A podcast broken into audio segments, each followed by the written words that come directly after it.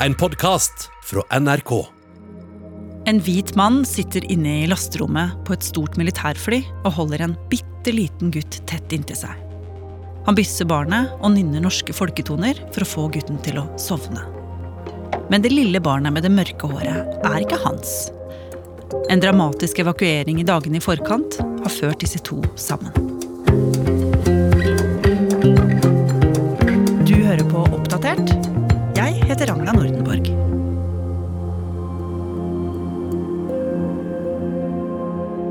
Jeg hadde vært på ambassaden. Den hadde da akkurat eh, stengt. Jeg kjørte tilbake til kontoret, merket at det var enorm trafikk. Det er alltid mye trafikk i Kabul, men det var helt enormt. Så um, så jeg masse kvinner, menn med barna i armene gå ut av byen, ut av sentrum, hjem. Og da merket jeg at nå, nå er det noe i gjære. Terje Vatterdal er landdirektør i hjelpeorganisasjonen Afghanistan-komiteen og har bodd i Kabul i mange år. Og denne lørdagen 14. august svirra nyhetene om at Taliban hadde rykka inn i by etter by i Afghanistan og nå nærmet seg hovedstaden. Eh, Jeg ble på kontoret ganske lenge, og så ble det helt stille.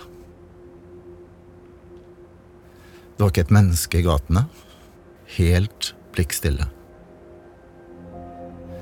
Vi kjørte da hjem, skjønte jo hva som var i ferd med å skje. Og det var jo at eh, Taliban kom til å komme inn i byen. Vi så ingen politifolk. Eh, De hadde tatt av seg uniformene sine.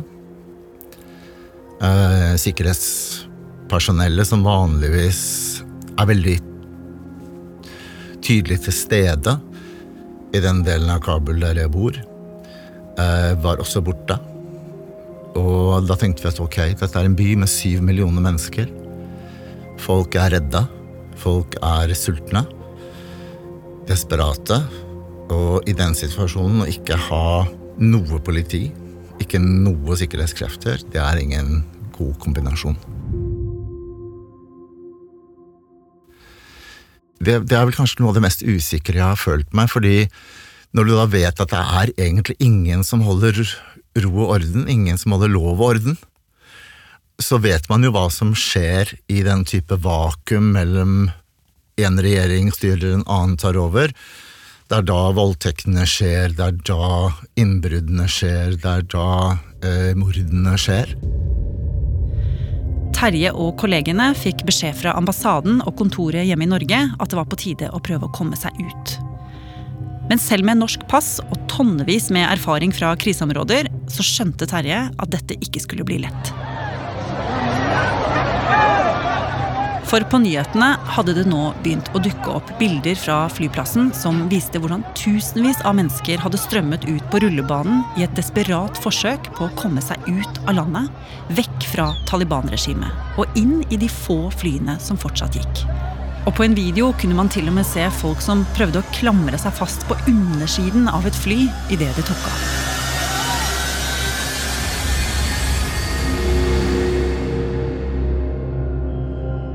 Og allerede på første forsøk på å komme seg ut, så gikk det gærent for Terje og kollegene. De ble stoppet av Taliban, som mente de ikke hadde riktige papirer. Men det hastet med å komme ut, så de snudde og fikk ordnet dokumentene. For så å prøve igjen. Og denne gangen kom de seg helt fram til flyplassen og peilet seg inn på den riktige gaten på utsiden av flyplassen. Men det skulle fort vise seg at også dette forsøket skulle bli vanskelig. Vi kommer da nesten helt frem til den gaten. Og så ser vi at det er ganske mange mennesker foran der. Det vil si 200-300 mennesker. Som står foran gaten inn til flyplassen. Og dette er en gate til den militære delen av flyplassen. Det er ikke til den sivile. Og eh, så peker de soldatene på en måte ut på kanten. Eh, så vi trodde det var kanskje en liten dør der. Vi fikk da banet oss vennlig vei gjennom folkemengden til denne store porten, og det var jo ingen dør. Og det var en over tre meter høy, glatt jernport. Og det begynte etter hvert å bli litt ampert rundt oss. Det begynte å bli skyting, eh, både med skarpt, eh, både inn mot porten og fra soldatene ut. Det var varselskudd. Og vi skjønte jo at vi kommer ikke over denne porten her. Terje og kollegaene forsto at de nok en gang måtte snu og kjøre tilbake. Samtidig hadde det begynt å dukke opp stadig mer urovekkende bilder og videoer fra inne og utenfor flyplassen. Enorme menneskemengder prøvde nå desperat å finne en vei inn på flyplassen over den høye, bevokta porten utafor. Think about the desperation. A parent passing their baby over barbed wire to a stranger, let that sink in. And this wasn't an isolated incident.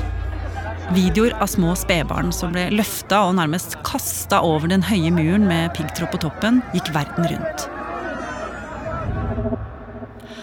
Og antallet mennesker som ville ut av Afghanistan, bare vokste. Og etter flere nye forsøk skjønte Terje og kollegaene at de måtte bytte strategi. På fjerde forsøk, med en metode han ikke kan fortelle om av sikkerhetsmessige grunner, kom han seg til slutt inn på Hamid Karzai internasjonale flyplass. Og Terje, du fikk komme inn på flyplassen, og du ble henvist til den delen der det ligger et norsk feltsykehus. Der skulle dere møtes, alle som skulle hjem.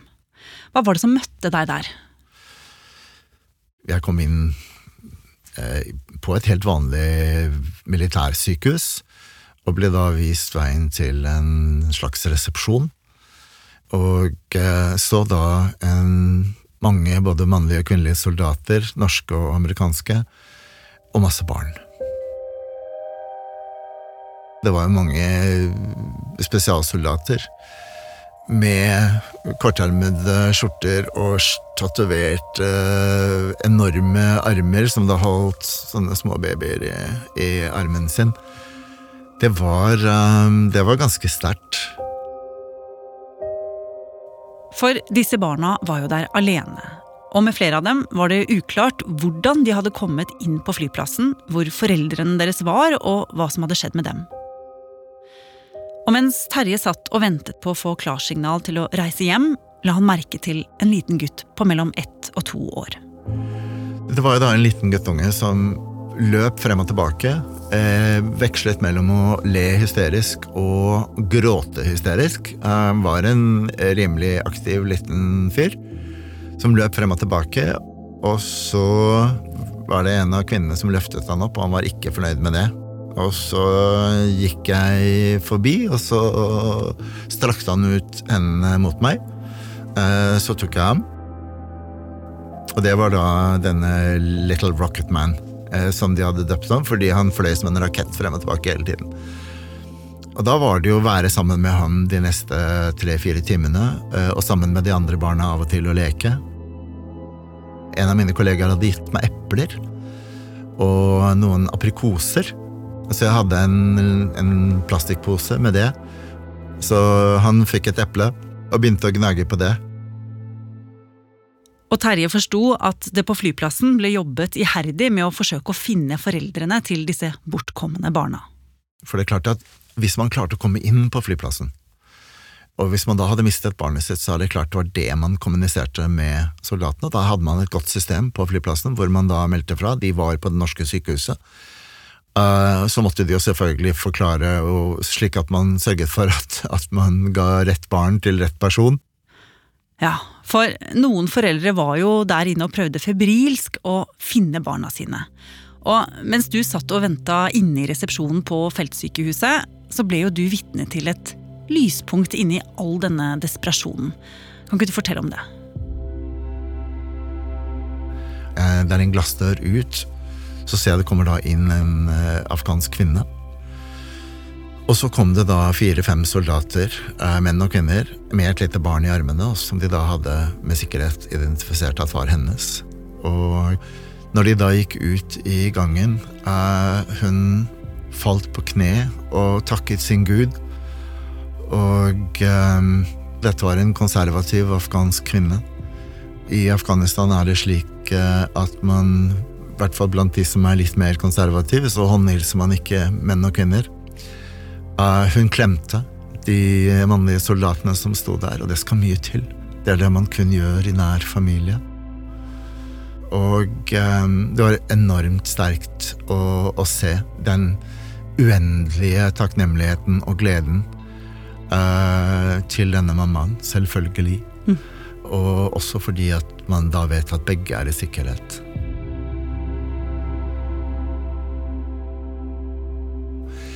Det var hjerteskjærende og utrolig godt å se, men samtidig som man da så disse andre barna. Og man tenkte da på hva med de mammaene og pappaene som da kanskje hadde i et desperat forsøk på hvert fall å redde noen, hadde da reddet sitt barn, men er blitt igjen selv. For den lille gutten som Terje kalte Little Rocket Man, og som han hadde lekt med og passa på, han var fortsatt i resepsjonen uten familie. Og på et tidspunkt så begynte Terje å høre snakk om hva som ville skje med de barna man ikke hadde funnet familiene til. Det hørte jeg om sånn utover, utover ettermiddagen, at eh, det var mulig at disse barna skulle til Norge. Hvordan og, hørte du det? liksom? Eh, ikke sant? Du sitter inne, det, du hører overhører samtaler. Uh, jeg, det var vel noen som sa det til meg også, fordi at de sa Terje, jeg tror Little Rocket Man kommer til å være med deg. Men eh, altså, dette var jo et reelt dilemma. Altså, kunne man ta med et barn hvis man ikke visste hvor foreldrene var? Og jeg blir jo litt nysgjerrig, altså selv om du ikke bestemte dette, hva tenkte du da du faktisk forsto at de skulle bli med til Norge? Jeg tenkte egentlig ikke noe over hva som var fornuftig å gjøre eller ikke. Nei. For hva var alternativet? Hvis de ikke ble med, så måtte de bli igjen på dette sykehuset. Vi vet ikke hvor lenge flyplassen kommer til å være åpen. Det kan bli mye mer dramatiske avreiser etter denne. De hadde vært der i to–tre dager, som man hadde allerede forsøkt å finne, og som jeg sa tidligere, hadde foreldrene vært inne på flyplassen, så hadde de funnet hverandre. Der var det systemer. Ganske imponert over det, faktisk. Så alternativet var langt, langt verre. Jeg vet at man skal ikke skille foreldre og barn, men de var allerede skilt. Vi vet ikke om de har foreldre. Vi vet ikke om foreldrene engang hadde forsøkt å komme seg til flyplassen. Så hva skjedde? Når jeg da fikk beskjed om at vi skulle gå ut til flyet, så var det en norsk soldat som bar på Little Rocketman, og han eh, hylte og skreik. Og så eh, spurte jeg meg jeg skulle jeg ta ham, eh, og det tror jeg soldaten var glad for. Det virket som Rocketman var ganske glad for det også, så da han ble med meg ut, og da han holdt seg rolig, så vi gikk da inn på dette store flyet og eh, fant oss en plass eh, helt foran, eh, hvor alle da barna var, på begge sider av, eh, av flyet. Hvor det da er plass til helikopter inni, så det er et enormt fly dette her, en sånn C-17. Du sitter jo da inne i en, et, et stort lagerrom, det er jo ikke noen vinduer. ikke sant? Du sitter på stoler langs veggen. Vi var heldige og hadde stoler som vi satt på. Det var jo ikke alle som hadde det. Så jeg satt da med min lille Rocketman, og så var det en liten jente som sov på en stol ved siden av og hadde hodet sitt på eh, fanget av en soldat. Og flere av disse barna var jo uidentifiserte. Altså at eh, norske myndigheter ikke visste hvem de var, eller hvor foreldrene deres befant seg. Og nå satt altså flere av disse på fanget til fremmede menn, på vei til et land langt, langt borte. Så jeg satt der, og han var jo ikke akkurat veldig fornøyd for å sitte bare. Så jeg begynte å gå, og han gråt fremdeles, og så begynte jeg å vugge ham og begynte å nynne. Og, og da falt han til ro. Den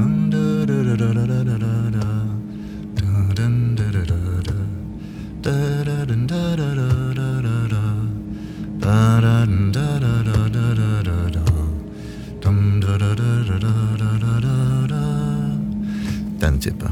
Ja. Jeg følte på en måte at jeg hadde blitt bestefar. Um, altså Når man har en, en sånn liten pjokk uh, så nær seg over noen timer, så rekker man å skape bånd. Men den lille gutten var jo ikke Terjes. Og da flyet nærma seg Tiblisi i Georgia for mellomlanding, visste Terje at nå var den felles reisen for ham og den lille gutten over. Ja, og den endte i Tiblisi, fordi da var det politi som kom og tok seg av disse barna. Det var et uh, SAS-fly. Jeg kom om bord, og hvert barn fikk uh, hver sin politimann eller -kvinne. Forsvaret uh, og UD sørget for at der var det folk som da hadde barnepedagogisk kompetanse. Og de hadde leker, og det var veldig godt organisert. igjen, jeg er veldig imponert. Mm. Og da skjønte han at nå, nå, skulle dere gå fra hverandre, eller? Ja, jeg tror jeg, jeg, tror vel egentlig at han tok det veldig greit. Jeg tror det var vanskeligere for meg å si farvel til ham enn for han å si farvel til meg. Barna ble flydd til Oslo og tatt med til omsorgssenteret for å få stell, omsorg, mat og trygghet. Og Terje følte at han hadde vært med på noe godt for denne lille gutten han hadde holdt i armene hele flyturen. Men da han landa på norsk jord igjen, så skjedde det noe som for ham var uventet. Det kom reaksjoner. Uidentifiserte barn som er fløyet til Norge fra Afghanistan, burde ha blitt igjen i Kabul. Det mener barnelege Monica Tallinger. Og jeg har stått i de situasjonene selv, og det er kjempevanskelig. Men å kanskje sende de på første fly ut, det er ikke nødvendigvis til barnets beste. Altså, det kan være veldig traumatiserende for barn å bli separert fra foreldre og kjente omgivelser i eh, krisesituasjoner. Jeg er bekymra for om det kanskje har gått litt fort, og om det har vært gjort grundige vurderinger av hvert enkelt barn sitt beste. Om foreldre har hatt mulighet til å gi samtykke. Og hva tenkte du da du hørte at folk stilte spørsmål? Um, um, kunne jeg vel egentlig tenke meg å, å, sitere en av mine favorittpolitikere, og det er Liv Signe Navarsete. Du veit ikke hva du snakker om! Jeg tror ikke man helt forstår hva som skjer på bakken, og hva hadde alternativet vært? Jeg syns det var en riktig beslutning å ta. Også fordi jeg vet at norske myndigheter, da, sammen med Internasjonale Røde Kors, Norges Røde Kors, Afghansk Røde Halvmåne, kommer til å gjøre alt det de kan for å finne foreldrene. Det var en umulig oppgave å finne folk utenfor murene til flyplassen. Det gikk ikke. Så jeg klarer ikke å se et annet alternativ som hadde vært bedre. Jeg, jeg forstår at dette ikke nødvendigvis er etter boka, men man kan ikke alltid gjøre alt etter boka. Av og til må man bruke hjertet. Mange lurte på hvordan dette var bestemt. Og justisminister Monica Mæland innkalte til en pressekonferanse der hun fortalte hvorfor barna hadde blitt evakuert alene. Som både utenriksministeren og forsvarsministeren har påpekt, så er situasjonen på bakken i Afghanistan veldig, veldig krevende. Utgangspunktet for eh, denne situasjonen var en henvendelse som kom til Justis- og beredskapsdepartementet fra Kabul om at det befant seg et antall barn alene på det norske feltsykehuset. Det ble gjort forsøk på å finne både foreldre og omsorgspersoner til disse barna, men når det ikke lykkes, så ble det vurdert som nødvendig å evakuere disse barna til Norge. Og justisministeren fikk jo spørsmål fra flere journalister om hva som nå eh, vil skje med disse barna. Om de noen gang kommer til å få møte foreldrene sine igjen. Og hun sa jo at barn selvsagt bør være sammen med familien, og at eh, Norge jobber for å sette i gang oppsporing av foreldrene. Men at det er for tidlig rett og slett å si hvordan dette ender, og hvordan dette skal følges opp. Da sier vi tusen takk. Og Terje, helt til slutt. I overkant av 20 enslige barn har blitt evakuert fra Kabul til Norge nå. Og du fikk jo et spesielt bånd til lille Rocketman. Men du tenker jo like mye på barna som er igjen i Afghanistan, og dem er det mange av. Det fins mer enn 15 millioner barn som er igjen i Afghanistan. Og eh, jeg syns vi som nasjon skal gjøre alt vi kan for at noen av de mest sårbare barna kommer ut. men at vi uh, gjør alt det vi kan for å gjøre livet i Afghanistan så godt som mulig for de barna som kommer til å være igjen. Og Det føler jeg vel egentlig er vår store oppgave nå, fordi vi har sviktet Afghanistan så mange ganger. Og vi må ikke svikte en gang til. Og kaoset ved flyplassen, både for voksne og barn, ser ut til å fortsette. Torsdag ettermiddag ble det meldt om en stor eksplosjon ved flyplassen. Og når vi spiller inn denne episoden, er situasjonen fremdeles ikke avklart.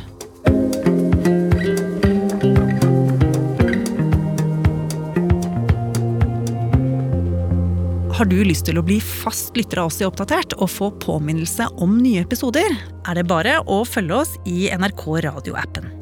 Og så er det veldig hyggelig hvis du vil anbefale oss til en venn. Oppdatert er en podkast fra NRK Nyheter, og denne episoden er laget av Irina Kjelle, Ina Swan, Pål Gauslå Sivertsen, Andreas Berge og meg, Ragna Nordenborg. Knut Are Tornås er redaksjonssjef. Vil du kontakte oss, gjør gjerne det på oppdatert krøllalfa nrk.no. Du har hørt en podkast fra NRK.